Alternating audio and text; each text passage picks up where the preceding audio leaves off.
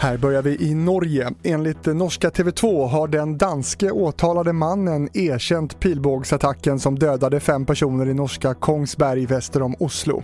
Polisen säger att mannen varit känd av myndigheten sedan tidigare. Jag förstår att många är rädda. Därför är det viktigt att understryka att polisen menar att de nu har kontroll på situationen. Du hörde Norges statsminister Erna Solberg. Följ händelseutvecklingen i Norge på tv4.se. Polisen har presskonferens klockan 10. Till USA nu. I Kalifornien kämpar omkring 1300 brandmän med en ny skogsbrand som härjar i ett stort bergsområde väster om Santa Barbara. Vattenbombade flygplan och helikoptrar har satts in i släckningsarbetet som försvåras av torka och kraftig vind. Hittills i år har drygt 3500 byggnader förstörts. Vi stannar kvar i Kalifornien för på måndag så kan Hollywood stanna upp. Det amerikanska fackförbundet som företräder omkring 60 000 film och tv-arbetare utlyser nationell strejk om de inte får igenom sina krav innan dess.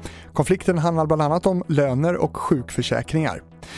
Följ nyhetsläget i vår app TV4 Nyheterna. I studion nu, Fredrik Rahlstrand.